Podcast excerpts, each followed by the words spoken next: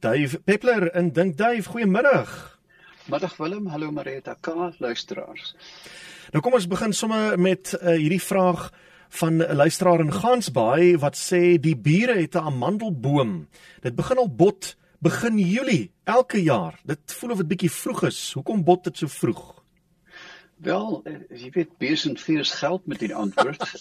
ek um, daar is heel moeilike genetiese komponent. Jy kan vroeg uh blommende spesies kry en ons weet ook dat ehm um, die amandel wat deel is van die Prunus pruim familie dat hulle vroeg bot. Um 'n mens het ook suurbome in hierdie groep plante. So ek uh, ek is glad nie verbaas nie. Ek onthou as kind op Robertson by oom Fonnie Hamman se tuin het die amandelbome ook so vroeg geblom. Hier is een van Pieter van Vigard Park in Bloemfontein. Hy sê of hy vra hoe lyk geitjie eiers? Tussen die holbakstene het 'n klompie spierwit eiertjies gekry so 5 cm in deursnee.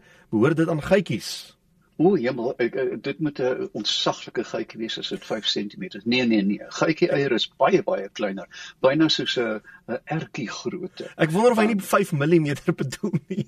ek, ek kyk as dit is dit is die nuwe daar was 'n liedjie Willem onthou het die eggplant in Chicago. Dit gaan nie is nie tot geëet het as dit 5 cm is.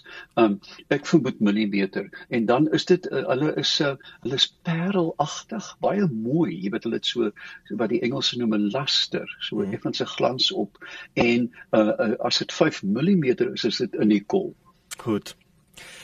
Hier is een van Linda Kotse en Somerset Wes. Hoe kry 'n kat dit reg? 'n Kat dit reg om sy pad terug te kry na sy vorige huis? En dan wil ek sommer my eie vraag ingooi, Dave. Daai wat hulle altyd gesê het smeer botter in die kat se voete. Werk dit regtig? Absoluut nie. Die kat gaan dit so geniet, jy weet. Die kat sal uh, kom sit vir botter. Ehm um, dis sommer nonsens. Ehm um, ons het 'n buurvrou gehad wat almal traag soos 'n kat met botter aan die voet.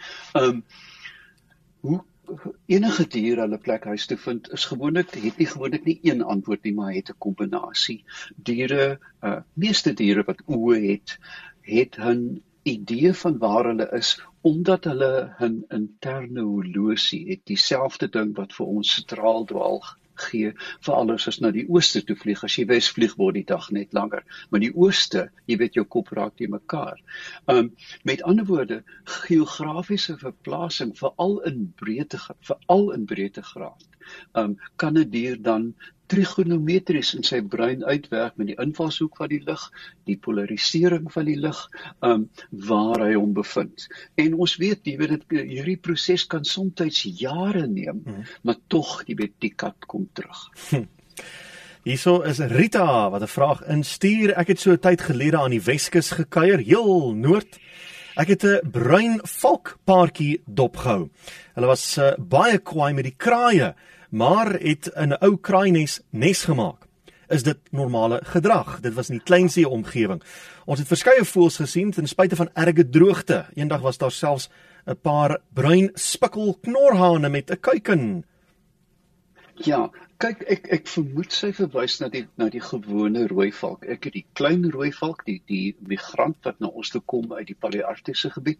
Ek vermoed sy kyk na uh die gewone rooi valkie. Nou uh, ons rooi valk helikopter. Hulle is um uh, hoofsaaklik insekvreters, maar hulle bou nie hulle eie nes nie. Hulle maak gewoonlik teen 'n kraans of hoog in 'n boom in 'n mik, uh, soms as daar nie iets anders in die omgewing is nie. En dit verbaas my allerminst dat hulle 'n uh, uh, ou kraaiene sou oorneem. Hulle is ook wel te tydens die broodtyd hoogs aggressief.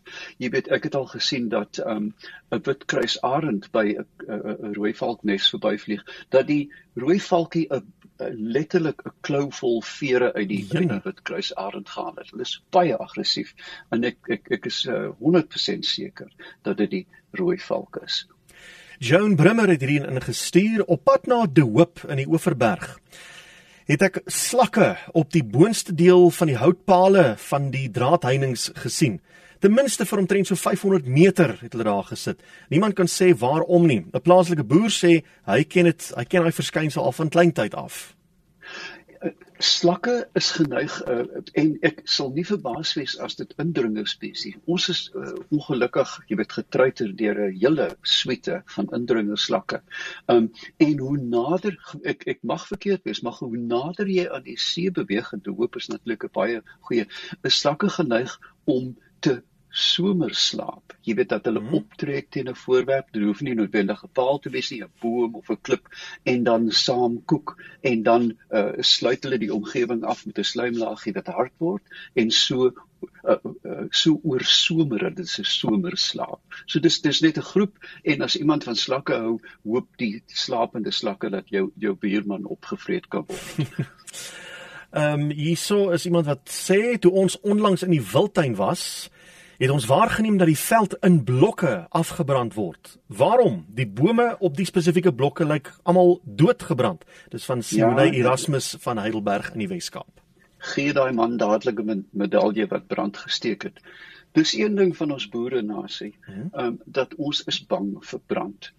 Ehm um, maar brand is uh, een van die pulse van die natuur. In fynbos byvoorbeeld, jy weet in die orde van 15 tot 20 jaar moet dit brand onbehoud en dieselfde geld vir die laafveld. Dit is 'n vuurgedrewe stelsel en indien dit oorbeskerm word, uh, word epifiet uh, uh, geofiete met ander woorde bolplante onderdruk as die kroondak te groot word en hierdie is 'n poging om 'n mosaïek op die landskap te skep. Want as jy dit nie doen nie en jy het 'n wegholbrand, dan kan hy vir dae brand. Goed. So as jy dit goed beplan soos 'n lappies kombers, dat jy verskillende uh, um ouderdomsgroepe uh, van hierdie gebrande veld en 'n wegholbrand kan dan nie uh, kan dan makliker beheer word. Hmm. So dit is werklik 'n baie goeie besluit, 'n um, gevaarlike een soms, maar die veld het dit nodig. Elise in Kaapstad vra: "Hoekom is daar so baie vliee in die woestyn? Waarvan leef hulle? Ek het uh, in Abu Dhabi gebly en dis waar ek dit gesien het." Ja, dit is uh, jy weet dit is 'n ewige vraag. Jy weet waar kom miskruiers en ehm um, vliee vandaan as daar enige ontlasting in die veld is? Ehm um, ek dink dat ehm um, indien 'n mens in hierdie landskap sou beweeg, dan uh, word die vliee gelok heel moontlik die liggaam sitte maar ook CO2 van die asem en dan trek jy die normale dun verspreiding oor 'n droë landskap skielik in een plek in en dit skep die indruk dat vliee algemeen is. En dis alwaarvoor ons tyd het. Dave, baie dankie. Mense kan gerus jou webwerf besoek en ook 'n draai maak op jou Facebookblad. Ja, ek is besig om te voer. Daar's lekker nuwe inligting. Goed, dan maak ons volgende week weer so. Tot dan. Dis aan Dave Peppler se webwerf www.davepeppler.com of gaan soek hom op Facebook, hy's onder Dave Peppler.